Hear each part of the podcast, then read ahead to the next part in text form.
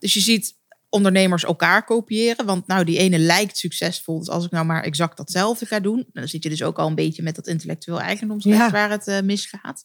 Maar ook dus met het idee van ja, maar het moet dus allemaal snel en groot en op een bepaalde manier. Omdat we ook elkaar dat een beetje aan het ma- wijsmaken zijn. Ja, En dus je moet bijvoorbeeld online gaan ondernemen en elkaar gaan coachen, eh, waardoor je ook een beetje in die piramide terecht kunt komen. En dat iedereen elkaar vertelt wat voor soort funnels je moet gaan maken en dat je daar dan je geld mee gaat verdienen. Terwijl je juist je eigen innovatie en je eigen ideeën moet gebruiken. En dat maakt je denk ik ook de echte ondernemer. AMV Podcast. Ambitie maakt verschil. Ambitie maakt verschil. De podcast voor iedereen met talent in bemiddeling, communicatie, ondernemerschap en klaar is om dat verder te ontwikkelen. We gaan het hebben over keuzes maken, tegenslag, succes, ondernemen en groeiambitie. Want ambitie maakt verschil. AMV Podcast. Ambitie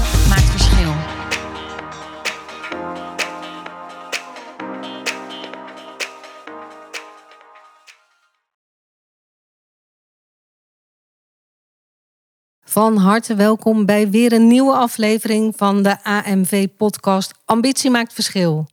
Hier in het mooie Den Haag ga ik in gesprek met Charlotte Meindersma, de informatierechtjurist, de social media jurist. Op Instagram bekend als Charlotte's Law en noemt zichzelf vaak de kutjurist. Met haar welbekende oploskoffie staat ze klaar voor ondernemers rondom juridische vraagstukken, gespecialiseerd in auteursrecht, privacywetgeving en dus ondernemerschap. Van harte welkom, Charlotte. Dankjewel. Zou jij voor de mensen die jou nog niet kennen, jezelf even kort willen voorstellen? Nou, ik ben de Charlotte, ehm, jurist en ondernemer. En dat noem ik ook altijd heel graag zo samen, omdat ik eh, als jurist ook echt met het ondernemerschap bezig ben. Dus zelf, maar ook echt voor mijn klanten. Dus ik denk ook met ze mee altijd in het ondernemerschap. En het is dus niet alleen maar op een juridische vraag, kan het wel of niet? Maar vooral ook, hoe kan het eventueel anders alsnog wel als het initiële antwoord nee zou zijn? Ehm, en dat zit inderdaad veel op eh, auteursrecht, merken, privacy, contracten. Dus alles waar je de meeste ondernemers eigenlijk stiekem in het, in het dagelijkse ondernemerschap mee te maken hebben. Ehm, hebben ze alleen niet altijd zelf door. Maar Nee, en vaak voor ondernemers ook het minst interessante stuk, hè? ja, juridische zaken Ja. komen natuurlijk altijd achteraan. Ja, Iets bij boekhouding en juridische zaken. hè? Dat Ja, zijn altijd twee Ja, stiefkindjes. het, is, het is een soort van het moet en daarom doen we het maar. Eh, dus ik heb ook heel veel klanten die pas komen op het moment dat het ofwel bij hunzelf is misgegaan, of dat ze bij andere ondernemers hebben gezien dat het is misgegaan en denken, oh ja, wacht even, maar deze problemen wil ik toch zelf eigenlijk Ja. niet meemaken. Nee, dus laat ik het nu maar fixen. Ja. Ja. Nou, als eigenzinnig jurist op het gebied, hè, wat je zelf zegt, intellectueel eigendomsrecht en nog veel meer hè, dan dat, zouden sommige luisteraars zich misschien kunnen afvragen waarom wij juist nu hier met elkaar in gesprek gaan. Maar daar zijn verschillende redenen voor. Ik eh, zelf volg jou al een hele tijd op social media. Je bent zelf ondernemer met een behoorlijke ambitie. Je ondersteunt, wat je zelf al aangeeft, veel ondernemers. En je gaat binnenkort jouw nieuwe boek lanceren. Echt ondernemen. Vanwaar deze titel? Nou, omdat het me ook een beetje gaat over eerlijk ondernemen. En dat ik merk dat heel veel mensen bezig zijn in het ondernemerschap met: oké, hoe kan ik dingen anders doen? Maar dan naar een coach gaan en eh, denken dat het met een formule wel weer op te lossen valt. Terwijl het echte ondernemen, naar mijn idee, juist zit in eigen keuzes maken. Dus eventueel wel weten welke mogelijkheden er zijn. eh, maar het dus niet volgens een formule allemaal maar proberen op te lossen. Maar dus juist zelf die keuzes maken, op je eigen voorwaarden kunnen ondernemen. Ehm, en dus vooral weten wat er nodig is en wat er kan. eh, maar je eigen richting daarin kiezen. Ja, is, is dat ook iets wat jij signaleert in de markt? Dat er veel copy-paste is en dat de ja, zogeheten succesformule, ja, zeg maar door een business coach wordt gezegd. Hè? Eventjes, ik generaliseer ook even lekker, merk ik. Maar dat, dat iedereen dan denkt, oh, dat is de succesformule. Dit, pa- dit ga ik ook doen. Ja, daar zijn veel mensen ook naar op zoek. Ja. Hè, eh, de snelle groei, het grote geld. eh, Want dat zijn natuurlijk de ondernemers die we heel vaak horen, ook in de media. Het is altijd de succesverhalen van de bedrijven die groot MKB zijn geworden. Of, of echt een grote onderneming zijn geworden. En we hebben het eigenlijk nooit over de kleine ondernemers of de MKB-ondernemers. Terwijl, eh, wat is uit mijn hoofd, 93% van alle ondernemingen hebben voor maximaal vier plaatsenplek. Ja. En dat is dus inclusief die van de ondernemer zelf. Ja. Ehm, dus dat is eigenlijk het grootste deel van, van de ondernemingen die Ja, we hebben absoluut. in Nederland. En daar, maar daar besteden we nooit Nee. aandacht aan. Nee. Iedereen denkt dus dat het allemaal maar groter en meer moet. Terwijl ik denk, ja, je moet gewoon je eigen ambities hebben. En bepalen wat je zelf wil. En zorgen dat wat je doet, Zonder dat je de massa achteraan eh, eh, loopt. Ja, dus je je krijgt- allemaal dezelfde funnel gaat, gaat Exact. neerzetten. Nee, ja, maar dat is dus wel wat er gebeurt. Ja. Dus je ziet ondernemers elkaar kopiëren. Want nou, die ene lijkt succesvol. Dus als ik nou maar exact datzelfde ga doen. Dan zit je dus ook al een beetje met dat intellectueel eigendomsrecht Ja. waar het eh, misgaat. Maar ook dus met het idee van ja, maar het moet dus allemaal snel en groot en op een bepaalde manier. Omdat we ook elkaar dat een beetje aan het ma- wijsmaken zijn. Ja. En dus je moet bijvoorbeeld online gaan ondernemen en elkaar gaan coachen, eh, waardoor je ook een beetje in die piramide terecht kunt komen. En dat iedereen elkaar vertelt wat voor soort funnels je moet gaan maken en dat je daar dan je geld mee gaat verdienen. Terwijl je juist je eigen innovatie en je eigen ideeën moet gebruiken. En dat maakt je denk ik ook de echte ondernemer. ja, daar zit het onderscheid. Het onderscheid zit hem inderdaad juist in het doe je wat na en, en, en probeer je een formule toe te passen. Of ben je gewoon de ondernemer die juist dezelfde ideeën heeft en dat tot een succes probeert te maken. Als ik het, hè, want ik heb eh, al een, eh, een- ja, jouw boek al mogen zien, dus dat was fantastisch. Het is vooral voor ondernemers die vastzitten in de groei van hun onderneming of willen professionaliseren, toch? Ja, precies. Dus het, niet voor de starters, hè, want die hebben nog heel veel basiszaken nodig. Het gaat erom eigenlijk, nou ja, staat je onderneming daar al wel? En, en weet je van een aantal dingen al best ehm, hè, hoe je dat wil regelen? Maar zit je nu vast, denk je, het kan beter, ik weet alleen niet hoe. En ik wil groeien, maar ik weet alleen niet hoe. Alleen ga ik je dus niet vertellen hoe dat dan zou moeten. Nee, maar we gaan ik dadelijk wel. We proberen wel wat te ontfutselen zo natuurlijk, oh, uit jouw boek hè. Want je geeft in dit boek ook aan dat jij jezelf meer ondernemer voelt dan jurist. Ja, nou kijk, heel veel juristen zijn echt alleen maar bezig met de juridische zaken. Eh, nou, even een voorbeeld. Ik had afgelopen week een klant die eh, met een vraag kwam over het gebruik van merken. En zegt, ja goed, ik, ik wil gewoon eigenlijk wat van die merken kunnen laten zien. Want daar, daar werkt mijn product gewoon goed mee samen. En, en dat is dan mooi om dat te kunnen laten zien. Mag dat? Nou, dan had ik heel eenvoudig kunnen zeggen, nee, dat mag niet. Punt. Ja. Daar had ik mee op kunnen houden. Dat is ook wat je in, heel veel, wat heel veel bedrijfsjuristen uiteindelijk doen. Hè, bij de afdeling juridische zaken. Als daar dan de afdeling marketing naartoe komt, dan, zeg, dan zegt die afdeling juridische zaken alleen maar: nee, dat mag niet. Nou, wat ik als ondernemer veel meer doe, is: oké, ik snap dat je dit wil. Ik snap waarom je het wil. Laten we nou proberen uit te vinden wat er dan wel kan. Dus ik probeer ook door te vragen: ja, maar waarom wil je het? Wat is hier nou het belangrijkste in? En hoe kunnen we nou iets vinden dat het dus wel kan? Ehm, en, en dat vind ik het belangrijk. Dus het gaat echt om dat ondernemen. Dus Oké, iemand heeft iets goeds bedacht. Hoe kunnen we dat dan inderdaad het beste in de markt zetten? Op een manier die iemand ehm, wil. Nou, en soms gaat dat dan niet 100% zoals hij dat wil. Maar hoe kunnen we dan tot 99% komen? En en maakt dat dan voor jou dat jij jezelf meer eh, ondernemer voelt dan jurist? Ja, omdat ik met dat, dat hele innovatieve eigenlijk... Ik Ja. juist in dat, in dat creatieve en dat, ook dat Ja. ideeën. En hoe kunnen we dat dan uitwerken? Ja, en grosso modo, juristen en, en luister, ik scheer ze even allemaal voor het gemak over één kam. Die, die zitten meer op de regels, wat wel en niet kan. En dan stopt het inderdaad wat jij zegt van nee, dat kan niet. Punt. ja. En jij pakt die stap verder door te kijken, oké, dat kan niet op de manier zoals jij misschien nu vertelt. Maar waarvoor zou je het willen? Hoe zou je het willen? En dan kan wel eens een hele andere uitkomst Precies, komen, dus ik toch? kijk eigenlijk alleen maar naar wat is het doel van deze ondernemer. Nou oké, en hoe kunnen we daar dan alsnog komen? Dus net als je als ondernemer denkt, oh, ik heb een gaaf idee en dit wil ik gaan doen. Ja, Dat je altijd bezig bent, oké, daarna komt het hoe. ja, Nou, en dus eh, een jurist is over het algemeen alleen maar, ik wil een vraag voorgelegd krijgen, kan het wel of niet? En dan zegt hij ja of nee, of dat hangt er vanaf. Nou oké, dan kom je met, waar hangt het dan vanaf? ja. En dan krijg je dus alsnog gewoon je ja of je nee. Maar nooit een hoe kan het dan wel? Ja, precies. Maar ik denk dat dat echt- echt het mooie onderscheid is. Dat je gaat kijken, oké, zo kan het niet. Maar hoe dan wel? Ja.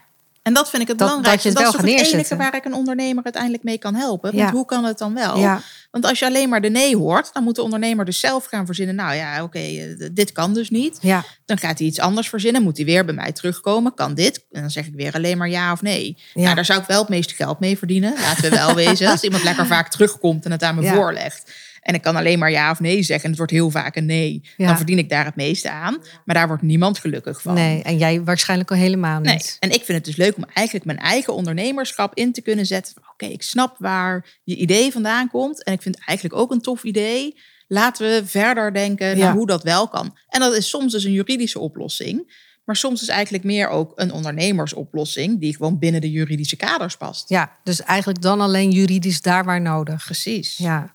Maar geloof jij dan dat je echt al een ondernemer moet zijn? Of dat je het ondernemen echt moet leren? Ehm, ik denk dat het ondernemen voor een groot deel ook wel te leren valt. Maar kijk, ik vind een echte ondernemer wel iemand die vooral de ideeën heeft. En Mhm. het, aan het aan het innoveren is. En steeds vooruit wil. Ehm, en dat dat je vooral de ondernemer maakt. En eh, ja, je hebt een, een professional die ook wel gewoon zijn bedrijf kan beginnen. Maar dat is dan vooral een professional met een bedrijf. Dan Ja. kun je prima Ja. een goed bedrijf Dan, dan, mee dan ga je bouwen. echt vanuit je expertstatus ga je het voor jezelf doen. Precies. Dat is eigenlijk wat je bedoelt. Ja, en, dat, en daar kun je prima gewoon een goed bedrijf mee bouwen. Dat Mhm. gewoon werkt. Maar ik vind dan iemand die echt aan het ondernemen is, die probeert ook wel te vernieuwen en met de markt mee te bewegen en daar niet achteraan te hobbelen. Ja, ja, eigenlijk continu die innovatie durven pakken, Ja. de, de kans in de markt zien. Precies. En, dat daar dus- gewoon een gevoel voor hebben. En, en denk jij dat dat aan te leren is? Of zit dat gewoon eigenlijk al in iemand? Nou, dat aanvoelen kun je natuurlijk niet aanleren. Dat, is, Nee. dat zit in je. Ehm, maar ik denk wel dat je mensen best wel kunt leren om überhaupt te beseffen dat je niet nou ja, alleen maar met je vak bezig bent, maar dat daar van alles omheen zit. Ja, En, en daar kun je heel veel dingen kun je daar wel in leren. Maar het is natuurlijk wel makkelijker als het een beetje in je zit. ja. Ja, want heel vaak, dat, tenminste, dat merk ik om, eh, om me heen. Hè. Ik, ik zelf kom helemaal, helemaal niet uit een ondernemersgezin. Sterker nog, iedereen zat in eh, loondienst. En die, die vond het ondernemerschap echt eh, eh, nou, best een, een risico, als ik het zo eh, mag, mag zeggen. Mijn ouders Dus waren ik heb- absoluut niet blij Nee, mee dus dat ik- ik, ging ondernemen. Nee, dus wat, die hadden liever een vaste baan en een pensioenregeling, Ja. hè, waar we het over hadden. En, en alle secundaire voorwaarden die je maar kunt verzinnen. En dan zat je safe voor de komende 40 jaar. Dat zal misschien ook wel vanuit hun generatiegedachten wel eh, zo zijn, weet ik niet. Dus, dus ik heb het van huis uit ook nooit meegekregen, dat ondernemerschap. Hoe, hoe is dat dan bij jou? Dus dan zit, zit het dan in je, weet je? Dat vind ik Ja. een hele interessante Nee, ik heb eh, het ook gedachte. absoluut. Ik heb het absoluut niet meegekregen. Ik, ik denk dat ik zelf ook altijd wel redelijk creatief ben. Nou, dat zat daar ook eh, vanuit mijn opvoeding en mijn familie en zo absoluut niet in. Ehm, dus dat, dat, dat is echt heel erg vanuit mezelf gekomen. Dat ik, ik, ja, ik zag dan altijd al die kansen. Dat is ook waarom ik eigenlijk nooit zo erg in loondienst wilde. Omdat ik dacht, ja, dan begin je gewoon ergens onderaan. Je mag nergens over meepraten. Terwijl ik dacht, oh, maar als we nou op deze manier met klanten omgaan, dan kunnen we ze toch veel beter bedienen. Kunnen we Ja. ze veel beter vasthouden. Net die stap we- extra. Ja, en Ja. Dat, ja, dat mag dan natuurlijk niet. Want je, je moet maar doen hoe een ander heeft verzonnen dat het, eh, dat het gaat. Ehm, en in de advocatuur bijvoorbeeld, dan heb je nog wel eens dat eh, de partners, hè, zoals dat Mhm. dan eh, genoemd wordt, eh, dat die dan discussies kunnen hebben over of de naam überhaupt wel groot op het gebouw mag of niet. Ja. Eh, ja, hoe, hoe groot mag je jezelf naar buiten toe neerzetten? Ja. Nou, er zijn er ook wel echt wat regelingen geweest in de advocatuur dat je niet te veel aan marketing mag doen. Hè? Je mag wel netwerken. Maar eh, nou ja, reclame wordt al wat lastiger. Het is nog steeds zo dat ze eigenlijk nauwelijks wat mogen op commissiebasis bijvoorbeeld. Ehm, dus dat, dat, dat maakt het op sommige marketinggebieden ook wel eens wat lastiger. Ja. Eh, maar daar kan heel veel. Alleen ja, ze zitten nog zo vast in we mogen niks. In, in de dat vastgeroeste patronen eigenlijk, hè? Ja. Dus toch een beetje dat. Ja, en ze zijn goed in hun, hun vak, hè? of tenminste, daar, daar moeten we maar even van uitgaan. Je hebt goede en betere, precies. Ik altijd. Eh, dus laten we ervan uitgaan dat mensen altijd goed zijn in hun vak. Ja, Eh, maar in naar buiten dragen hoe en wat en waarom dan. En waarom iemand naar jou toe Ja. moet komen. Ja, dat, dat zit er niet in. En Charlotte, dit is ook de Ambitie maakt verschil podcast. Wat is ambitie voor jou? Ja, dat is denk ik vooral ook dat, dat vooruit willen. En altijd beter en anders en leuker en mooier. En dus niet maar blijven zitten waar je zit met nou, maar het is wel goed zo. Of we hebben het altijd zo gedaan, dus we blijven het zo wel doen.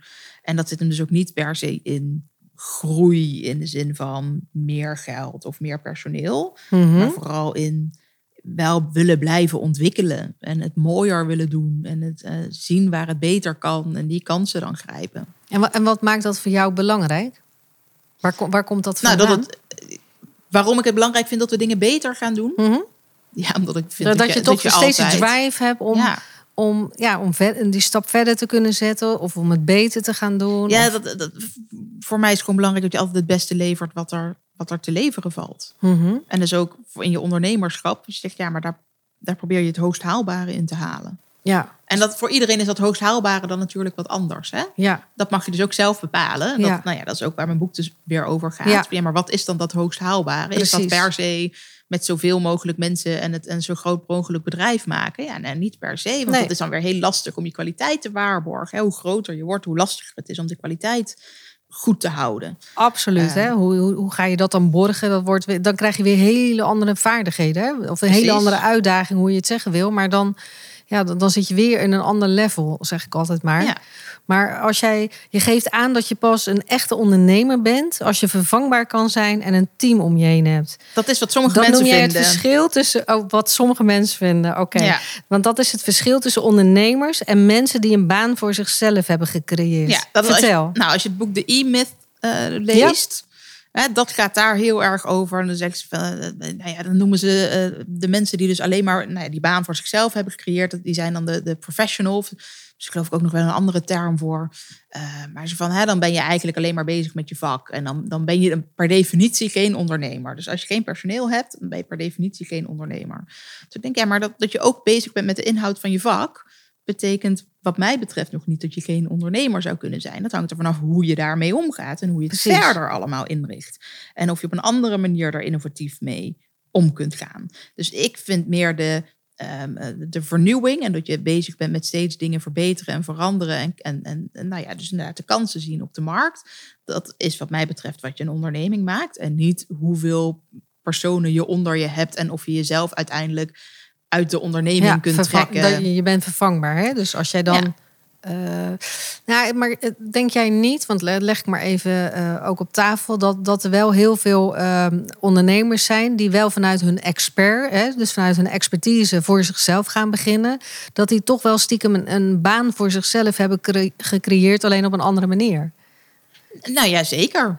Tuurlijk. En, en, da- en daar komt inderdaad de kop erop. Hè, dat je moet zeggen, ja, je moet wel de kans in de markt zien, de innovaties. eh, dat ondernemende stuk eh, moet daar eigenlijk dan bij komen om je dan een ondernemer eh, co- wel. compleet misschien te maken. Ja, dat vind ik wel. Kijk, er zijn genoeg, nou ja, bijvoorbeeld, er zijn heel veel andere juristen die inderdaad zeggen, nou, ik heb me ingeschreven bij de Kamer van Koophandel. Die hebben daar, een, dus ze hebben dus een KVK-nummer. Ja. Maar wat ze in feite doen, is zichzelf gewoon weer interim verhuren aan advocatenkantoren. Precies. En eh, ja, hoe anders is dat dan gewoon in loondienst zijn? Nou ja, eh, ze wisselen vaker van werkgever. Ja. Dus dan ben je inderdaad gewoon eigenlijk de professional die alsnog een baan voor zichzelf gecreëerd heeft. Die doen ook eigenlijk niks aan marketing, niks aan innovatie. Het enige is alleen dat zij de flexibele skill zijn en dat ze zich daar heel prettig in voelen en dat ze daarmee eh, wat meer variatie voor zichzelf hebben gemaakt dan hè, vastzitten in steeds hetzelfde bedrijf. Dat ze makkelijker kunnen wisselen. Ehm, en, en dus dat ze in die zin een meer ideale baan voor zichzelf hebben gecreëerd. Maar dan ben je, wat mij betreft, nog niet opeens een echte ondernemer. Nee. Ik vind het ook altijd wel aardig als ik eh, ook wel eens mensen spreek hè, die voor zichzelf eh, gaan starten. Dat ze zeggen, ja, die vrijheid hè. Hoe, Ja. hoe is vrijheid voor jou in jouw onderneming? Heb je, heb je meer vrijheid? Wat is vrijheid voor jou? Hoe zie jij dat? Nee, voor mij was de vrijheid vooral heel belangrijk dat ik alles zelf in kan vullen zoals ik wil. Dus dat ook mijn, mijn fouten mijn eigen fouten zijn, Mhm. maar dus ook al mijn successen mijn eigen successen zijn. Ehm, en dus ook de vrijheid in tijd, niet zozeer in dat ik dan zo weinig mogelijk zou kunnen werken. Dat is wel een beetje wat mensen ook wel eens denken. ja, maar dat, ik, ik heb helemaal geen problemen daarmee Nee. om veel te werken, Nee. want ik vind mijn werk leuk. Ja, Ehm, dus de- ik vind het prima om. Nou, we zitten hier toevallig op een zaterdag deze podcast op te nemen. Maar dat vind ik leuk. Ja. Dus dat vind ik niet erg. ja, Ehm, sterker nog, de- ik vind het prima om in het weekend te werken. Als ik dan maar wel doe wat ik leuk vind. En dan, ik zeg dan ook, dan ben ik een beetje aan het hobbyen. Want dan ben ik wat aan mijn website aan het klussen. Of Ja. dan ben ik eh, wat nieuwe business Ja. ideeën aan het verzinnen. Ja, dat officieel hoort dat dan bij je werk. ja. Ja, het voelt voor mij alleen niet dat dat bij mijn werk hoort. Omdat ik dat leuk vind om te leuk, doen. Leuk dat jij dat zegt hoor. Want ik- herken daar natuurlijk helemaal. Dat ik denk, ja, maar ik vind het ook geen werk. Ik vind het heerlijk om even eh, iets, iets inderdaad aan die website te doen. Of nou ja, weet je, vul het allemaal in. Het maakt niet uit. Maar ik merk wel eens dat de omgeving zegt: huh, moet je dan ook werken op zaterdag of op zondag of in de vakantie of met de kerst? Of Ja, terwijl ik denk, eh, ja, ja. alsof je En dat dan een soort moet eh, verantwoorden. Ja, dat. ook. Ja, maar dan denk je, ja, maar wat, wat doet een ander dan in het weekend? Die is toch ook met dingen bezig die hij dan leuk vindt? Ja, Ja, alleen is dat iets anders wat je leuk vindt misschien. Nou ja, dat is dan waarschijnlijk niet werkgerelateerd. Nee, nee, prima. Ja, dat is misschien, en nu is eh, dus werkgerelateerd, maar ja. het is wel omdat ik het leuk vind. Ja, Dus, maar voor mij is dus die vrijheid meer dat ik kan bedenken, 's ochtends, nou ach, ik begin eh, een beetje vanuit eh, bed te werken. Of ik ga ergens koffie drinken en dan klap ik daar even mijn laptop open. ja. vrijheid Of- in denken en handelen, hè? Denk ik ook heel erg. Ja, dus als ik, hè, nou ja, ik heb mijn eigen kantoor, maar ik kies er wel zelf voor hoe vaak ik daar ben. Ja, En of ik daar om zeven uur 's ochtends al ben of om half drie 's middags een keertje binnenkom wandelen. ja, Eh, of ik tot 's avonds laat doorwerk. Hè. Nou ja, met dat boek schrijven, op een gegeven moment zat ik heerlijk in een flow. Heb ik echt een paar dagen achter elkaar tot s'nachts doorgewerkt. Eh, nou ja, we, we zitten nu nog eh, in, in de coronatijd, toen nog eh, met eh, de avondklok. Nou, dan keurig schizofreen van die briefjes schrijven. dat ik eh, van mijn werkgever toch echt op kantoor moest zijn om nog te werken. En eh, nou ja, als werknemer, dan, nou ja, goed. ja. Ehm, en nou, ik heb een hond, dan was mijn man ook hier. Dan had hij de riem van de hond vast. Want met de hond mag je buiten. En ik als werkgever mijn, mijn werkgeversbriefjes op stap. Dan kon je dat. Maar dan tot twee uur s'nachts. Dat je op een gegeven moment denkt, ja, misschien toch wel verstandig om nu nog wel even te gaan slapen. Want anders dan... Ja, maar dan zie je zo in een, in een zo'n heerlijke flow, hè? Maar dat dat dus kan. En die vrijheid, dat, dat is de vrijheid. Ja, daar ga je ik- echt op, ja. op aan, zie ik ook nu. Heel Ja. mooi. Je schrijft dat het geen sterrenstof is met het recept voor succesvol ondernemerschap. Dat kan ook niet, geef jij zelf aan. Want natuurlijk, hè, dat heb je al verteld, het is voor iedereen anders. Toch ben je tot dit ene boek gekomen. Hoe was dan het proces voor jou om dit te schrijven? Want je geeft net aan dat je wel in die flow zat, maar hoe was het proces voor jou om dit te schrijven? Ja, ik begin, want het is uiteindelijk zeg maar mijn vijfde boek of mijn vier en een halfde boek. Het is maar net hoe je het wil zien. Ehm, bij mij begint dat met zo'n boek uiteindelijk altijd al met dingen verzamelen die ik belangrijk vind. Dat gaat dan ergens eh, in, in, in notities op mijn telefoon of losse papiertjes of dingetjes en die ik belangrijk vind. En dat verzamel ik allemaal zo'n beetje. Ik doe wat onderzoek naar, nou ja, bijvoorbeeld die 93% van de ondernemingen die eigenlijk maar vier werkplaatsen bieden. Ehm, al dat soort gegevens verzamel ik. Ik, ik, ik ga eens ergens weer eens, eh, nou ja, als het gaat om toch wat juridische zaken die ik in zo'n boek op wil nemen, toch even zeker weet hoe dat nou zit. En dat ik dat uitzoek. En ook denk, dit vind ik belangrijk dat ondernemers dat weten. Nou, en dat schrijf ik dan op. Dus dat verzamel ik allemaal zo'n beetje. En ik neem me altijd voor om te zeggen, nou, maar dan ga ik eh, één dag per week aan dat boek schrijven. Nou, dat lukt dan niet. en uiteindelijk, nee, maar dat boek moet er nu echt komen. En dan, eigenlijk komt het er dan op neer dat ik gewoon een week lang eh, echt aan dat boek ga schrijven. En dat het zijn extra lange dagen. En dan komt het er in één keer, bam, komt het eruit. Omdat ik van tevoren dus al steeds nou, informatie ben gaan verzamelen en een beetje verzin. Oké, Maar wat was dan het beginpunt? Eh, Dat je dacht van, ja, ik wil echt een boek gaan schrijven over, je zegt Ah, echt ondernemen, over eerlijk Ja. ondernemen. Wat was dan dat je op een gegeven moment denkt van, Al mijn Ja. boeken komen altijd voort uit frustratie. Precies. Maar alles waar ik goed in ben, komt altijd voort uit frustratie. ja, en Ja. Dat, dat van die frustratie naar inspiratie naar creatie. Ja, eigenlijk wel. Dus het is vooral dat ik continu dingen voorbij zie komen. Dat ik denk, oh jongens, maar dit kan toch zo niet. Zo, Kun, zo kun je een moeten voorbeeld noemen? Waar, waar zat die frustratie dan? Wat signaleerde je dat je dacht van jongens, kom op. nou ja, heel veel fouten die ik zie bij ondernemers, eh, waarbij het dus juridisch fout gaat, die er bij mij terechtkomen. Denk ik, oh, maar als je dit nou maar geweten had. Kun, je daar iets van, kun je een voorbeeld noemen? Ehm, wat je, wel, wat, wat je nou, geregeld ziet, dat je denkt, ja, dit is wel een beetje een standaard. ja, mensen die eh, eh, vinden dat ze gekopieerd worden, terwijl ik denk, ja, maar jongens, dit is geen kopie. En dat ze daar achteraan gaan, keihard. En, eh, want iemand anders heeft ook een roze website.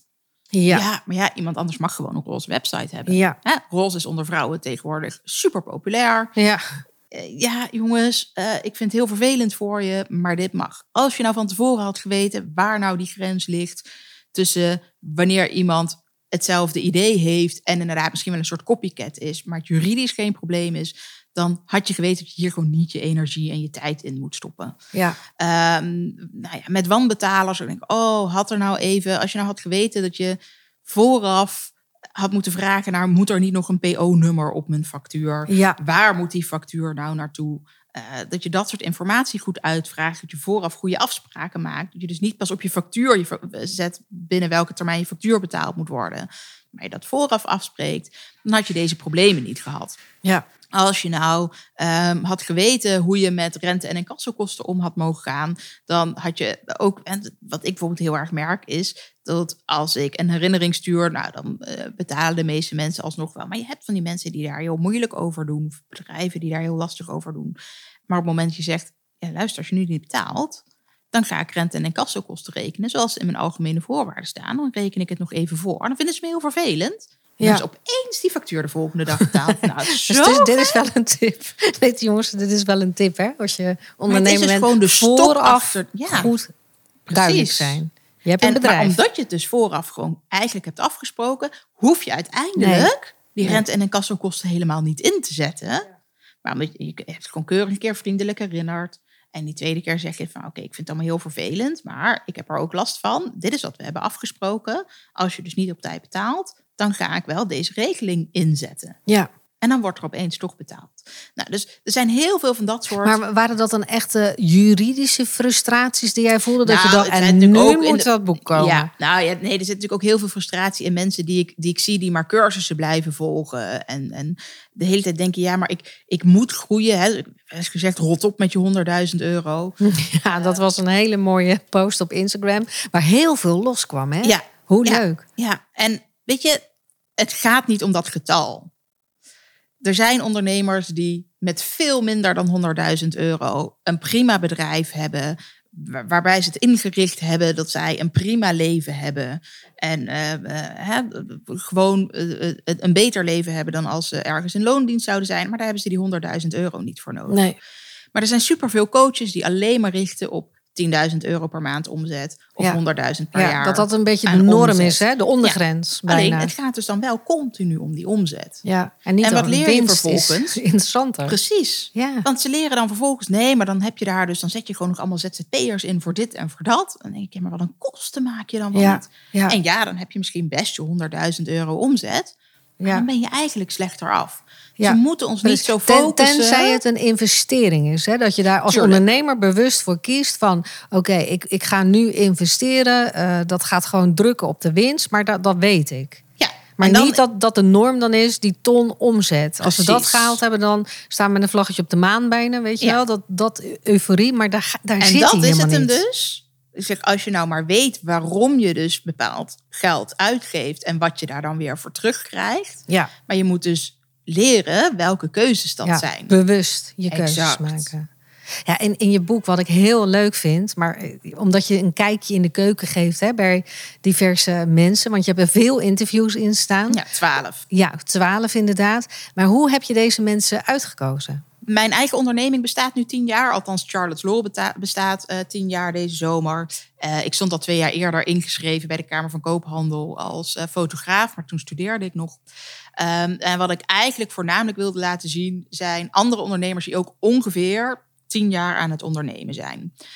Want wat uit heel veel cijfers van bijvoorbeeld CBS blijkt... is dat heel veel mensen die starten binnen vijf jaar... Ja. ook weer stoppen met Ja, hun van bedrijf. de markt zijn, hè? Precies. Het lastige is alleen dat daar ook wel de ondernemingen onder vallen die eventueel van eenmanszaak naar BV doorgroeien. Want dan stop je het een en je begint het volgende. Ja, dan begin je weer op Dus nul. die vallen Ja. ja. buiten die cijfers. Dus het kan ook zijn dat er een aantal zijn die daar naartoe doorgroeien. Maar als je dan weer kijkt naar hoeveel BV's er zijn in Nederland, dan valt dat eigenlijk toch wel tegen. Ehm, dus dat, dat zullen er niet zo heel veel zijn. Dus je moet kennelijk over die grens van die vijf jaar heen. En dan doe je het eigenlijk goed als ondernemer. Ja. Dus ik had in elk geval ondernemers nodig die over die vijfjaarsgrens heen zaten. En ik vond het eigenlijk leuk om een beetje naar ongeveer die tien jaar op zoek te gaan. Ehm, omdat ik zelf dus nu tien jaar aan het ondernemen ben. Maar ik wilde ook graag een eh, variatie aan ondernemers laten zien. Dus mensen die echt een groot team hebben en miljoenen bedrijven nu hebben na die tien jaar. Maar ook mensen die juist bewust ervoor kiezen om klein te blijven of weer terug te gaan Ja. naar klein. Hè, die een Ja. team hebben gehad. Nou ja, sorry jongens, maar dit wordt hem niet. Of juist ondernemers die zeggen, nee, nee, nee, maar ik wil juist een team gaan bouwen en groter. Dus Ja, keuzes durven maken ook. Hè? Wat je nu zegt, ook van terugstappen weer van, van een wel-team naar een niet-team. Ja. klinkt een beetje raar ook, zeg maar. Inderdaad, dat je eerst een team hebt werken en dat je dan toch denkt, ik word hier helemaal niet zo happy van. Weet je wat, ik, ik ga weer terug naar de basis. Precies. En wat ik dus heel graag wilde laten zien, is dat iedereen daar andere keuzes in maakt. Ja. En iedereen daar zijn eigen keuzes in maakt en dat het allemaal goed is. Ja, Ehm, dus juist door zoveel verschillende ondernemers te interviewen en te laten zien hoe zij met dezelfde onderwerpen allemaal anders omgaan, wilde ik ook laten zien, ja kijk, jij kan ook gewoon je eigen keuze hierin maken. Het hoeft niet op één bepaalde manier. Er is niet Nee, maar er is één geen- formule. het is geen eh, sterrenstof. Precies. Nee, het is geen nou ja, sterrenstof is ook vooral dat ik me heel erg erger aan van die woorden als manifesteren. Voor mij betekent manifesteren openbaren. Ik heb dit gemanifesteerd. Huh. Ik heb dit geopenbaard. Ha. Oké, nee, maar het universum. Ja, weet je, ik vind het heel fijn voor je als je gelooft in, in, in, in een hoger iets dat jou helpt. Maar je doet het echt zelf. Ja, ja, ja. Het is niet zo als je het gaat zitten eh, bedenken, alleen in je hoofd en je doet niks. Nee, je moet er nog steeds dat ze iets dan voor aan de doen. voordeur komen bellen. Hè? Dat Precies. ze zeggen, nou hier ben ik. Heb Ja. jij bedacht? Hier ben ik. Zo, pas maar zo Ja, feest. nee, precies, dus tuurlijk. En je moet dus de juiste instelling hebben. Hè? Dus de juiste mindset, Ja, de juiste instelling. ja, Tuurlijk. Dus het helpt echt wel om ergens positief in te zitten en om doelen te hebben. En er zijn allerlei dingen die je kunnen helpen. Ja. En, dat, en daar sta ik helemaal voor. Dat je Ja. zoekt naar dingen die jou helpen. Tuurlijk, helemaal prima. Maar, maar je doet het ja. uiteindelijk zelf. En ik vind dus ook best wel dat je jezelf daar credits voor mag geven. Dat je echt wel moet zeggen, oh, dit heb ik zelf bereikt. En niet, dit heeft het universum voor mij gedaan. meegebracht. Ja, Nee, nee. want dat heb je zelf Ja. gedaan uiteindelijk. Maar, maar het helpt wel als je een beetje positieve instelling hebt. Ja, dat denk ik wel. Als je gaat denken, oké, dit gaat mij gewoon maar- lukken. Precies. Ik zie het voor me. Hè? Dus je kunt, al, je kunt het al visualiseren. Je, je- alsof je het al hebt gedaan. Als dat je totaal niet voor je ziet. Nee, zeker. Dus dat, kan je, dus dat kan je echt wel helpen. Maar je moet het vervolgens wel Ja, nog je gaan moet doen. actie. Dus het, het, het- wat, wat, waar ik me heel erg aan ergens aan nee, maar als je het maar visualiseert en je maakt een moodboard, nee, dan nee. komt het er. Ja, Nee, je moet dat dan nog steeds Ja, die stap actief vergeet gaan dan. doen. Dus het enige waar je moodboard en je visualisatie en zo mee helpt, is dat je eigenlijk weet waar je naartoe wil. Ja. Zodat je ook kunt bepalen welke tussenstappen je moet nemen om daar te komen. Ja, want als je geen idee hebt waar je naartoe gaat werken, ja, dan wordt het heel lastig om je volgende stap te bepalen. elke keuze heeft ook een consequentie. Zeker. Absoluut. En, en dat is denk ik ook wel belangrijk om te realiseren. Als ik bijvoorbeeld nu ervoor kies om, eh, nou ik verzin even een voorbeeld, 50 uur te gaan werken. Dan heeft dat ergens een consequentie. Precies. Dan ben ik niet meer de leukste eh, thuis misschien. Of Nee. ik kan niet de ramen eh, zemen meer. Want daar heb ik, weet je, dat zijn keuzes. Ja, maar net zoals het ook een keuze kan zijn om te zeggen: ik ga nu wel even een keer een paar maanden lang Ja. 50, 60 uur aan mijn bedrijf Ja. werken, zodat ik heel snel ergens kan komen en het allemaal kan regelen en zodat, zodat ik daarna minder kan gaan werken. Want Ja. de kans groter is als je er nu even veel tijd en energie in stopt, eh, je het echt goed neer kunt zetten. En als je maar 30 uur per week werkt, dan duurt het iets langer. Ja, en dan, ook dat en dat is dan is weer een keuze. Ja, precies. Ook dat is een keuze. En die keuze mag er dus gewoon zijn en dat alles is goed, hè? Ja, Maar inderdaad, als je maar weet dat elke keuze een consequentie heeft. ja.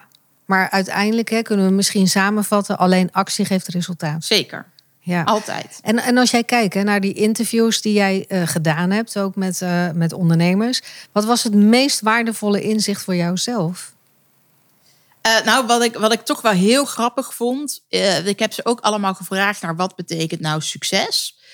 En ik was er denk ik eh, vooraf best wel van overtuigd dat ik van bepaalde ondernemers gewoon zou horen, ja, eh, succes, dat gaat toch echt wel om status en geld. Hè, dat is ook hoe we dat van buiten steeds zien. Hoe in de media succesvolle ondernemers worden neergezet. Dat zijn altijd de, de ondernemers die een groot bedrijf hebben en veel geld verdienen en zichtbaar zijn en een bepaalde reputatie hebben. Dan ben je succesvol. Eh, en als je bedrijf klein is, dan ben je kennelijk niet succesvol. Nee, dan doe je nog niet mee. Precies. Mhm. En al die ondernemers hadden eigenlijk ook allemaal een eigen definitie van wat succes was. En geen enkele, ehm, op, op, op één interview dat uiteindelijk niet in het boek terecht is gekomen, maar wel bij het extra materiaal eh, zit. Geen enkele had als, ehm, eh, als definitie voor succes dat het ging om, om, om status en geld of zichtbaarheid en geld. Ze hadden allemaal een andere definitie van succes. Eh, en dat vond ik dus wel heel mooi om te zien, omdat mijn definitie van succes ook een, een andere is. En voor mij is succes toch dat mijn eigen leven ook uiteindelijk heel prettig is. En dat ik een bedrijf heb dat vooral kan blijven bestaan en kan blijven voortduren. En dat ik dus niet zoveel risico neem dat het de volgende dag weer kan omklappen. Mhm. Ehm, maar ook dat ik het, het, het niet alleen maar dus een baan voor mezelf is, maar ik dus ook meer risico durf te nemen dan dat. Ehm, maar dat, dat was voor mij dus echt wel een inzicht. Dat ik dacht, oh, wacht even. Dus zelfs als je een miljoenenbedrijf hebt opgebouwd, eh, of een heel groot en bekend bedrijf hebt gemaakt, of in elk geval een bedrijf dat dus veel geld heeft en status heeft, maar dus misschien nog niet zo groot is in de zin van ehm, eh, een groot bedrijf. Hè? Want dat in Nederland zeggen we dan een groot bedrijf heb je pas vanaf 250 eh, Eh, medewerkers. Ehm, dus dat je in die zin nog wel een klein bedrijf bent, maar wel bekend en eh, overal in de media kunt verschijnen. Ehm, dat zij toch ook gewoon hele andere definities van succes hebben. En dat iedereen dat echt wel voor zichzelf bepaalt. Ja, mooi is dat, hè? Dat, dat, dat je het allemaal hetzelfde woord gebruikt. Hè? Dus wat Ja. is succes of wat is succesvol zijn voor jou? En dat iedereen daar gelukkig Ja. maar ook hè, een andere invulling aan, eh, aan kan geven. En dus past het ook niet binnen een bepaalde formule om succesvol te worden. Nee. Want A is, voor, is succes voor iedereen anders. Dus is je route naar succes ook anders. Mooi. Dus kun je dus niet in zo'n standaard Ja, formule passen. ja, en ik denk als je heel voor jezelf goed hebt gedefinieerd wat succes voor jou eh, zou betekenen. Dus dat je dan ook kunt kijken met je werk of je opdrachten. Van joh, past dit dan binnen die lijn wat ik eigenlijk wil? Of Precies. ga ik er nu heel erg vanuit? Kijk, en geld en status, dat is misschien een gevolg van iets. Hè? Ja. Dat, dat, als dat je eerste trigger point is, of je eerste trigger eigenlijk is, dan uh, ja, ik denk dat dat een andere een verkeerde misschien wel motivatie is. Als dat je denkt, ik ga iets doen wat ik heel leuk vind en ik verdien er toevallig ook heel veel geld mee. Precies. Dat is ook prima natuurlijk. Mooi. Maar, waar, want jij zegt, je bestaat ook al ruim uh, tien jaar nu. Als jij terugkijkt, um, waar ben je dan het meest trots op? Oeh, dat vind ik wel een lastige vraag. Ja, de, de, vraag was niet zo lastig. het, antwoord, het antwoord op de vraag is wel heel lastig. Nee, ja, heel goed. De vraag zelf is inderdaad niet zo lastig, maar daar een goed antwoord op formuleren wel. Kijk, weet je wat het is? Alles verandert altijd zo als je gaat ondernemen. Hè? Toen ik begon, toen dacht ik heel erg, ah, prima, lekker mijn eigen bedrijf. En ik blijf ook ZZP'en. En dat blijf ik ook altijd doen. En uh, mijn schoonvader zei toen al, die was eigenlijk altijd een soort van ondernemer in loondienst, zeg maar. Daarnaast was hij ook wel ondernemer. Zei, oh, maar jij hebt uh, binnen een paar jaar heb je allemaal personeel in dienst. Ik dacht, joh, weet je, hoezo nou en helemaal niet. En hij zag überhaupt... echt wel jouw potentie en jouw kwaliteit. Ja, en die, dat zag ik zelf ook niet. Maar ik had toen ook absoluut die, die ambitie niet. En nou ja, op een gegeven moment groeide ik gewoon dat, dat je echt op zo'n punt komt met, ja, ik kan dit in mijn eentje allemaal niet meer aan. Maar nou ja, hoe doe ik dat dan met wel of niet nog iemand aannemen, et cetera. Uh, dus op een gegeven moment had ik, uh, had ik wel personeel. Um, en dan denk je ook, omdat iedereen toch wel heel erg gericht is op, ja, maar je moet groeien en je moet personeel. En dat is. Dat, dat is een dat beetje is de next step of zo. Ja, hè? Dan, hè, dan, een... dan word je pas echt Precies, de ondernemer pas, misschien. Ja, hè? Nou ja, waar we het eerder al over ja. hadden. Hè? Zo van, uh, ben je dus pas ondernemer ja. als je personeel hebt. Uh, dus het, het, voelde ook een soort van logisch. Net zoals het voor sommige mensen een soort van is. Van, ja, nee, als je leeft, dan ga je op een gegeven moment trouwen en je krijgt kinderen en het hoort erbij. En je vraagt ja. je niet eens af of je het allemaal wel wil. Maar, nee, dat ja, is gewoon een, een, een, je, je draait eigenlijk heel die, ja, dat pad dus, loop je precies, door. Dus hè? dat is met dit dan ook een beetje. Nou, logisch, als je personeel neemt. Um, dus eigenlijk denk ik dat ik er misschien nog wel het meest trots op ben dat ik uiteindelijk toch altijd gekozen heb voor mezelf en hoe ik graag mijn bedrijf in wil richten. En dat Mhm. dat juist dus niet zo standaard is en niet zoals iedereen verwacht dat een juridisch advieskantoor in elkaar zit. Um, dat ik uiteindelijk ook afscheid heb genomen van uh, de medewerkers.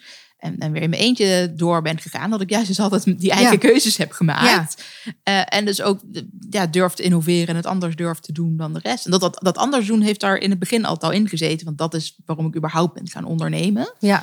Maar dat is denk ik wel ook waar ik meteen het meest trots op ben. Dat ik dat ook gewoon ga doen tegen, tegen de stroom in. En, uh... Ja, maar kon je wel zeggen van uh, een beetje de geëikte uh, pad. Dat als je gaat ondernemen, op een gegeven moment is een logische stap dat je met een team gaat werken. Zeker in een juridisch adviesbureau, ja. kantoor.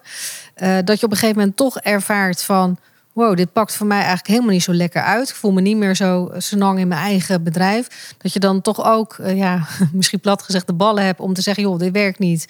Eh, ik, ik ga weer de andere kant op. Ja. Hoe, hoe, hoe is de reactie van de buitenwereld dan daarop? Nou ja, ik eerlijk gezegd heb ik daar denk ik niet eens per se, eh, of, of niet, niet direct in elk geval heel veel reactie op gehad. Dus ik krijg zo af en toe nu nog wel eens de vraag van, oh goh, hè, dat heb je dus gedaan en, en, en hoezo dan en waarom dan? En, eh, maar als je dan uitlegt waarom, hè, dan ja, goed, ik werd er zelf niet gelukkig van. Eh, de omzet ging daar helemaal niet per se van omhoog. Hè. Het is ook zelf wel eens zo geweest dat die omzet ervan omlaag ging. Ehm, dus het, het hielp helemaal niet per se. Ik ben zelf gewoon geen goede manager. Het was eigenlijk niet goed voor het bedrijf. En het was niet goed voor de kwaliteit van het werk dat we leverden. Ja. En ik vind die kwaliteit heel belangrijk. Ja. En dan merk je toch dat heel veel mensen zeggen... oké, ik heb inderdaad liever jou in je eentje... maar met eh, een kwaliteit die goed is... dan dat ik per definitie maar jouw bedrijf in kan huren. Ja, dan is het maar jammer als je me nee moet verkopen. Ja. Nee, maar ik- hoor ook wel eens hè, van ondernemers die dan tijd hebben gewerkt met personeel. eh, dan denken, god, dat pakt niet goed uit. eh, dat gaan opschonen. Dat ze ook wel vaak reactie krijgen van, goh, gaat het slecht met je bedrijf? Omdat Ja. je ineens van een team naar je, alleen Ja. jij... Ja, die opmerking heb ik nooit gehad. Nee, Maar misschien dat ik ook altijd wel voldoende onbewust dan, maar heb gecommuniceerd van ja, maar Ja. Het, het, gaat me altijd om die kwaliteit. ja, En dat is wat ik wil waarborgen. En ik wil ondernemen op mijn manier. En dus het, het, dit heeft niks te maken met hoe mijn bedrijf verder nee. loopt. Nee, maar kijk, dat is ook weer het gave, vind ik ook, van ondernemerschap. Jouw bedrijf, jouw regels. Ja, absoluut. En en ik denk dat dat gewoon altijd key moet zijn. En als, het, als je je waarde ook heel erg hebt bepaald, A, van jezelf als ondernemer, als mens, maar ook van je bedrijf, dan, dan heb je gewoon een soort meetlat waar, ja, waar dat Precies. altijd tegenaan eh, kan liggen. Dan kun je altijd kijken van past dit of niet. Ja. En daarom denk ik ook altijd dat je best veel mag leren van hoe andere ondernemers werken. En dat je daar ook best naar mag kijken. Maar dat je niet blind moet volgen hoe iemand anders zegt dat je bedrijf ingericht zou moeten worden. Precies. En, en als jij terug eh denk even aan alle interviews hè, die je hebt gedaan. En niet, niet alles staat in je boek uiteraard. Maar wat is jou zelf het meest bijgebleven? Nou ja, kijk, wat me toch wel opviel is, ik heb, ik heb alle ondernemers ook wel gevraagd naar dingen die niet goed gingen. En dat, dat iedereen dat wel een soort van, op, op, op misschien een enkeling na, eh, wel een soort van downside. Zo van ja, nou ja, dingen die echt verkeerd gingen of die echt lastig waren, ja, nou ja, het viel altijd wel mee. Ja? Omdat je er dan uiteindelijk toch wel weer goed uitkomt. Ehm, Het zijn wel vaak de, de, de soms ook harde leerscholen, hè? maar het zijn wel de leermomenten misschien. ja, En ik persoonlijk vind het altijd heel fijn om met ondernemers daarover te praten. Van, Ja. joh, ik vind al die successtories heel gaaf. Maar het is niet een overnight succes. Precies. Je doet elke dag een stuivertje in de pot. En op een gegeven moment gaat dat eh, uitbetalen. Maar die weg daar naartoe, die is redelijk hobbelig. Maar wat is je echt tegengevallen? Precies. En en privé daar leer je van. Ja, en privé durven mensen daar best wel over te praten. Maar op het moment dat ze weten dat het in een boek terechtkomt, Ja? dan valt het opeens allemaal eigenlijk wel mee. En, en, en wat was dan jouw eh, leermoment? Echt dat je dacht, wow, dit ging echt... Nee, dit was echt zo'n misser. Nou want ja, want we vinden het ook leuk om in dus- die keuken ja. te kijken. Hè, bij die anderen, Ja. wat, er, wat er misging. Ja, nee, nee, nee, ja, het personeel ging bij mij wel echt mis. Ja. Ik ben zelf absoluut geen manager. Nee. Het aannemen van personeel is gewoon heel erg lastig. hè. Zo'n sollicitatieprocedure kun je superveel over lezen en leren en, en, en doen. Maar hoe kom je er nou achter of iemand echt goed is voor je bedrijf? Ja. Ehm, dan maakt het voor mij ook nog wel eens extra lastig dat ik jurist ben. En dus ook alles arbeidsrechtelijk correct wilde doen. Mhm. Ik zie genoeg ondernemers die mensen gewoon heel makkelijk ontslaan. Dat ik denk, maar dat, dat, dat kan helemaal niet zomaar. Hoezo is iemand opeens weg? En, en Tenzij je het misschien samen dan over eens bent. ja, goed, dat, Hm? dat, dat, dat zou inderdaad kunnen. Maar dan zijn dat waarschijnlijk ook dus weer werknemers die misschien wat minder hebben gedaan met de rechten die ze hebben. Mhm. Het maakt ook allemaal niet uit, maar ik ben daar wel de hele tijd mee bezig. Met oké, hoe- hoe zit dit juridisch? Wat kan er juridisch? Ehm, en, en, en hoe vul ik dat dan allemaal in? En er zijn natuurlijk bureaus, recruiters, whatever, die zeggen nee, maar wij kunnen dan die sollicitatieprocedure voor je doen. En eh, dan doe je persoonlijkheidstesten. En je doet weet ik wat voor testen allemaal. Eh, maar dat kost dan eh, al snel 500 euro per sollicitant. Ja, Ja, weet je nog steeds niet hebt. zeker. Precies dat loopt best door. weet je nog steeds zeker of je daar de juiste uithaalt. Maar dus ook dat je eventueel gewoon de keuze moet maken om te zeggen: ja, goh, ik, ik heb gewoon nu de juiste sollicitant niet gevonden, dus die vacature blijft dan maar openstaan, bijvoorbeeld. Het afscheid nemen van mensen. Ja, op een gegeven moment zit je toch ook vast met het idee dat je per se personeel moet hebben of zo. En ik werd daar zo doodongelukkig van. Het heeft me eh, mijn eerste burn-out gekost. En ik heb op tijd aan de bel getrokken om een tweede te voorkomen. Ja, en dan, dan dat is wel een harde leerschool. Hè? Ja. Dat je zo eh, hard even daar tegenaan moet klappen om te ervaren. Oké, ik heb het ervaren. eh binder, dit het, niks voor mij. Dat, Ja. dat is ook natuurlijk gewoon weer een hele goede eh, keuze. Wat Ja. je dan op dat moment moet je wel schakelen. Precies. Want het bedrijf moet door. Ja. Want jij bent het bedrijf ook natuurlijk. Ja, zeker. Nou ja, en dat, dus dat, is, dat was voor mij wel echt personeel hebben hè, of medewerkers hebben. Ja, Daar, Ja. Op een gegeven moment was ik daar dus meer mee bezig dan met het hebben van een bedrijf. zeg maar. ja. Ja, en dan precies. Dan, Dus dan ben je ja, meer bezig in de wel- uitvoering met mensen. Ja. Dus dat je nog aan dat bedrijf aan, aan het opschalen bent in werk of in eh, innovatie. Ja. ja, nou ja, dat is dus die innovatie ligt dan dus Ja, ook een soort van stil. stil. Dat moet, of dat moet een beetje tussendoor gepropt. Of ja, daar gebeurde dan gewoon niet zo heel erg veel meer in. Nee. En wat, wat vind je nu het allerleukste aan, aan jouw bedrijf op dit moment in deze vorm? Nou ja, ik weet niet of dat dus per se ook deze vorm is. Want ik, eh, wat ik juist zo fijn vind, is dat ik aan die vorm ook zoveel kan veranderen. En, en dat dat nu dus super flexibel is. Juist omdat ik niemand meer in dienst heb. Ja, heb je weer alle bewegingsvrijheid ook. Ja, precies. In feite wel. Dus dat ik continu producten en diensten daarbij kan verzinnen en daar af kan halen. En, Ja. en alles doe waar ik, eh, eh, waar ik zin in heb. En dat ik in Hoe elk geval in de juridische wereld lekker. juist. Ja, in de juridische wereld juist, juist tegen de stroom inga. Ja, want ik noemde het al in de intro, hè, een eigenzinnige eh, jurist. Hoe, hoe ervaart de wereld dat dan? De juridische wereld? Ehm, nou ja, eh, tien jaar geleden kreeg ik nog wel eens boze mailtjes van advocaten. Omdat ik aan het bloggen was. En ze vonden dat ik daardoor eh, eh, werk van hen afnam. En dat, dat zij daardoor geen cliënten meer kregen. Dat ik dacht, joh, maar als iemand dan geholpen is met een blogpost. En daarom geen klant meer wordt, dan... Zat dat er dan in dat je dan te veel informatie al weggaf? Of komt in de content? nou, ze staan, er staan er echt nog wel een hoop online. Maar dat waren echt wel slechte blogposts. En kort. En dus dat, als iemand daar al mee geholpen is, Ja, dat dan top. Ja, Maar zij Ja, vonden top dat jij te iemand veel Dat weggaf. had want nooit een cliënt kunnen worden, joh. Nee. Ik bedoel, dat was dan zo'n kleine mini-opdracht geweest. Ja, of je had er iemand bij lopen naaien dan. dat- ja. Maar, Was dat een beetje ehm, toch broodnijd dan? Dat ze daar bang voor waren? Ja, ja, ja. Is dat, want jij zit tegenover mij in een, in een prachtige outfit overigens. Met een eh, donkerblauwe eh, shirt aan waarop staat hashtag kutjurist. Ik noemde het natuurlijk ook al een beetje in de intro. Maar kun je eens uitleggen voor de luisteraar die echt denkt van wat zegt zij nu? Ja, nou ja, ik moet zeggen, het, het komt eigenlijk... Mijn man is ook jurist. Eh, heel ander vakgebied verder. Eh, maar nou ja, thuis hebben we het natuurlijk ook wel eh, vaak gewoon over juridische zaken. Maar juist als het over gewone dingen hebben, over het nieuws of weet ik veel wat. En iemand zegt iets net een beetje onhandig. Dan wil de ander dat nog wel eens verbeteren. Terwijl we eigenlijk best van elkaar weten wat er bedoeld wordt. Dus dan is de reactie vaak, hè, zowel van hem als van mij... eh, eh, kutjurist. Ja. Joh, je snapt best wat ik bedoel. Maar je bent nu gewoon de jurist aan het uithangen. Hè, die zegt hoe het echt zit. In, in plaats van dat je waar het over hebben. En we gewoon gesprekken eh, door kunnen voeren. Ehm, en dat heb ik eigenlijk een keer, eh, ik denk vooral op Instagram gedeeld. Eh, Ja. Van nou, dit is hoe dat eh, bij ons thuis gaat. En dat vonden mensen grappig. Dus toen ben ik dat vaker in gaan zetten. En toen bedacht ik eigenlijk, ja, ook Het voor mijn gewoon een statement. Zeker. Dat is fantastisch. Maar Ja. eigenlijk ben ik voor mijn cliënten ook een kutjurist. Ja. Want zij kunnen me wel vijf keer op een andere manier dezelfde vraag stellen. ja, Antwoord dezelfde vraag. Ja, precies. Je antwoord blijft gewoon hetzelfde. Daar ga ik niet iets anders op antwoorden. Ehm, dus als, als het een negatief antwoord is, ja, ik ga het niet mooier maken dan het is. Ik probeer wel mee te denken met hoe we het dan wel op kunnen lossen. Ja, er zijn ook echt wel mensen die dus eh, na een oploskoffie zeggen, ja, ja, het was eigenlijk niet het antwoord wat, wat ik je wilde hoopte. horen. Ja, wat je hoopte misschien. hè? Maar met wat je me verteld hebt, kan ik wel verder en kan ik toch gaan doen wat ik wil doen. Alleen op een andere manier dan ik initieel Ja. gedacht had. Ja. Dus eh, dan ben ik eigenlijk nog steeds kutjurist. Alleen wel dus degene die, die ook wel weer zorgt dat je wel verder kunt en nog wel een oplossing hebt en niet opeens met lege handen buiten staat. Ja, mooi. En de, ja, de vraag die dan bij mij nu opkomt, hè, omdat jij zegt, joh, weet je, mijn man is ook jurist en de, de, dan zeggen we kutjurist tegen elkaar ook. Eh, Kijken jullie ook eh, samen wel eens zonder juridische bril naar dingen? Nee.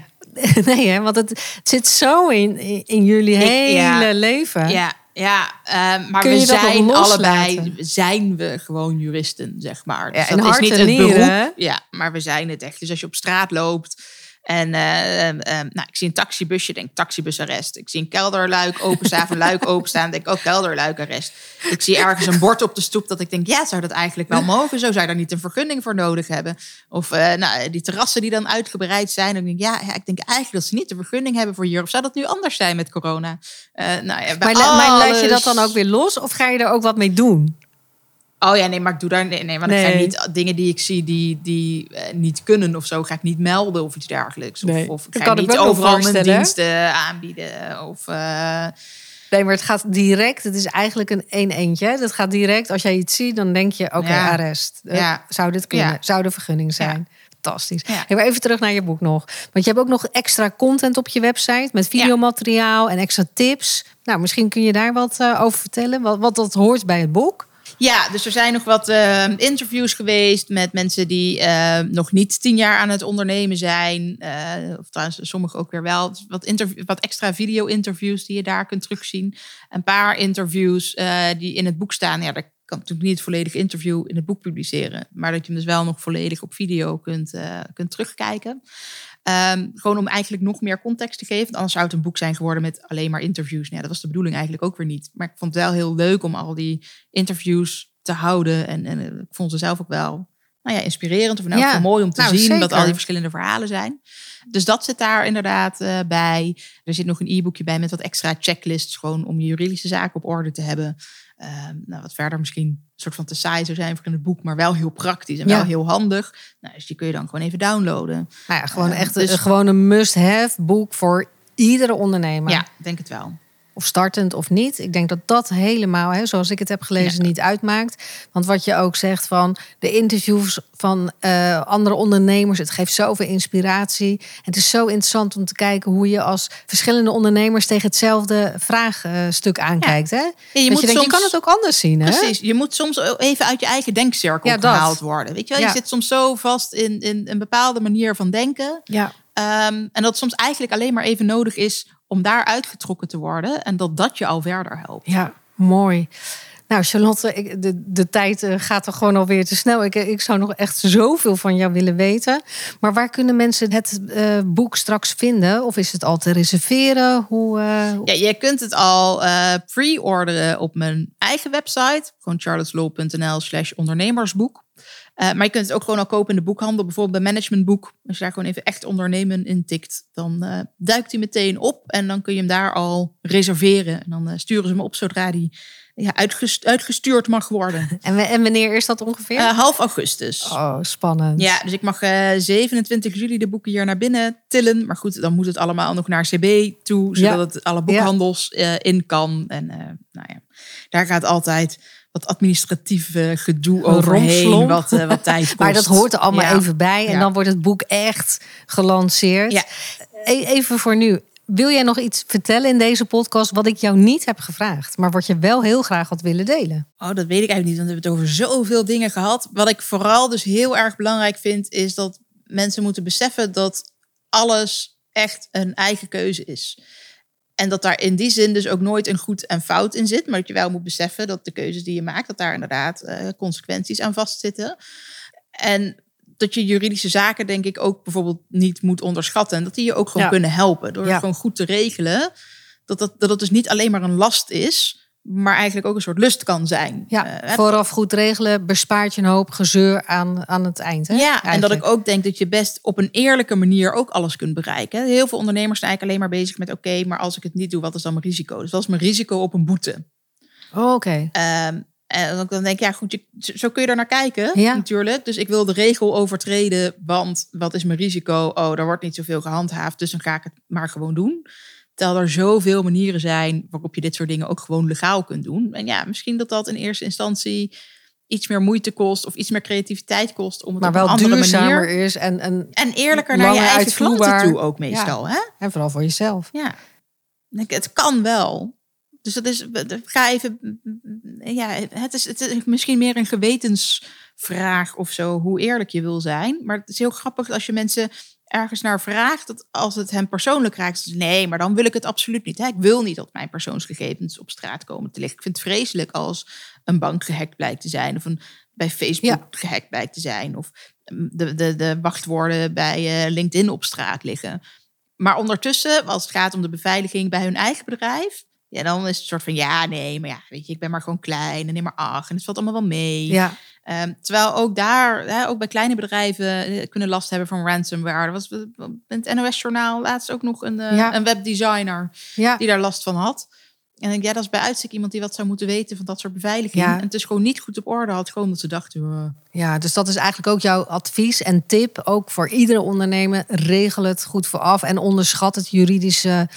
Ja, en Aspect waarom, zou je het, niet. en waarom zou je het ook niet goed willen regelen? Ja. Hè? Want als het om jouzelf als persoon gaat, dan wil je dat ook allemaal goed geregeld hebben. Of wil je dat iemand anders het goed voor jou regelt. Maar op het moment Ja. dat jij het voor een ander moet regelen, dan bekijk je het opeens alleen nog maar vanuit jezelf. Dus net zoals je in de marketing altijd moet denken, wat wil mijn klant? En hoe hè, probeer vanuit je klant te denken. Nou, probeer dat met juridische zaken eigenlijk ook. Ja, en dan, dan maakt het ook weer leuk. Ja, Ja. Charlotte, ik wil je hartelijk bedanken voor dit eh, gesprek. En jij luisteraar eh, ook hartelijk bedankt voor het luisteren. En in het, nou ja, wat ik al zei, in het mooie Den Haag, af en toe hoorde je misschien de tram voorbij komen en het verkeer. Het hoort er allemaal bij. In het prachtige kantoor van Charlotte's Law hebben we dit gesprek gevoerd. En ik denk dat er heel veel tips en inspiratie eh, ja, in de podcast zitten waar je gewoon je voordeel mee kunt doen. En bestel het boek. zeker. Dankjewel. Dankjewel. AMV Podcast. Ambitie maakt verschil. Dankjewel voor het luisteren. Uiteraard hopen wij dat jij hier nieuwe inspiratie of inzichten uit hebt gehaald voor weer een volgende stap. Als je met plezier hebt geluisterd en je bent nog niet geabonneerd op onze podcast, abonneer je dan via je favoriete podcast-app. Je kunt natuurlijk ook een review achterlaten. Daar zijn wij enorm blij mee. En als je vindt dat andere ondernemers naar deze podcast zouden moeten luisteren, deel deze podcast dan gerust met je netwerk. Wij zien nu al uit naar de volgende podcast. Dus graag tot de volgende keer. En weet, ambitie maakt verschil.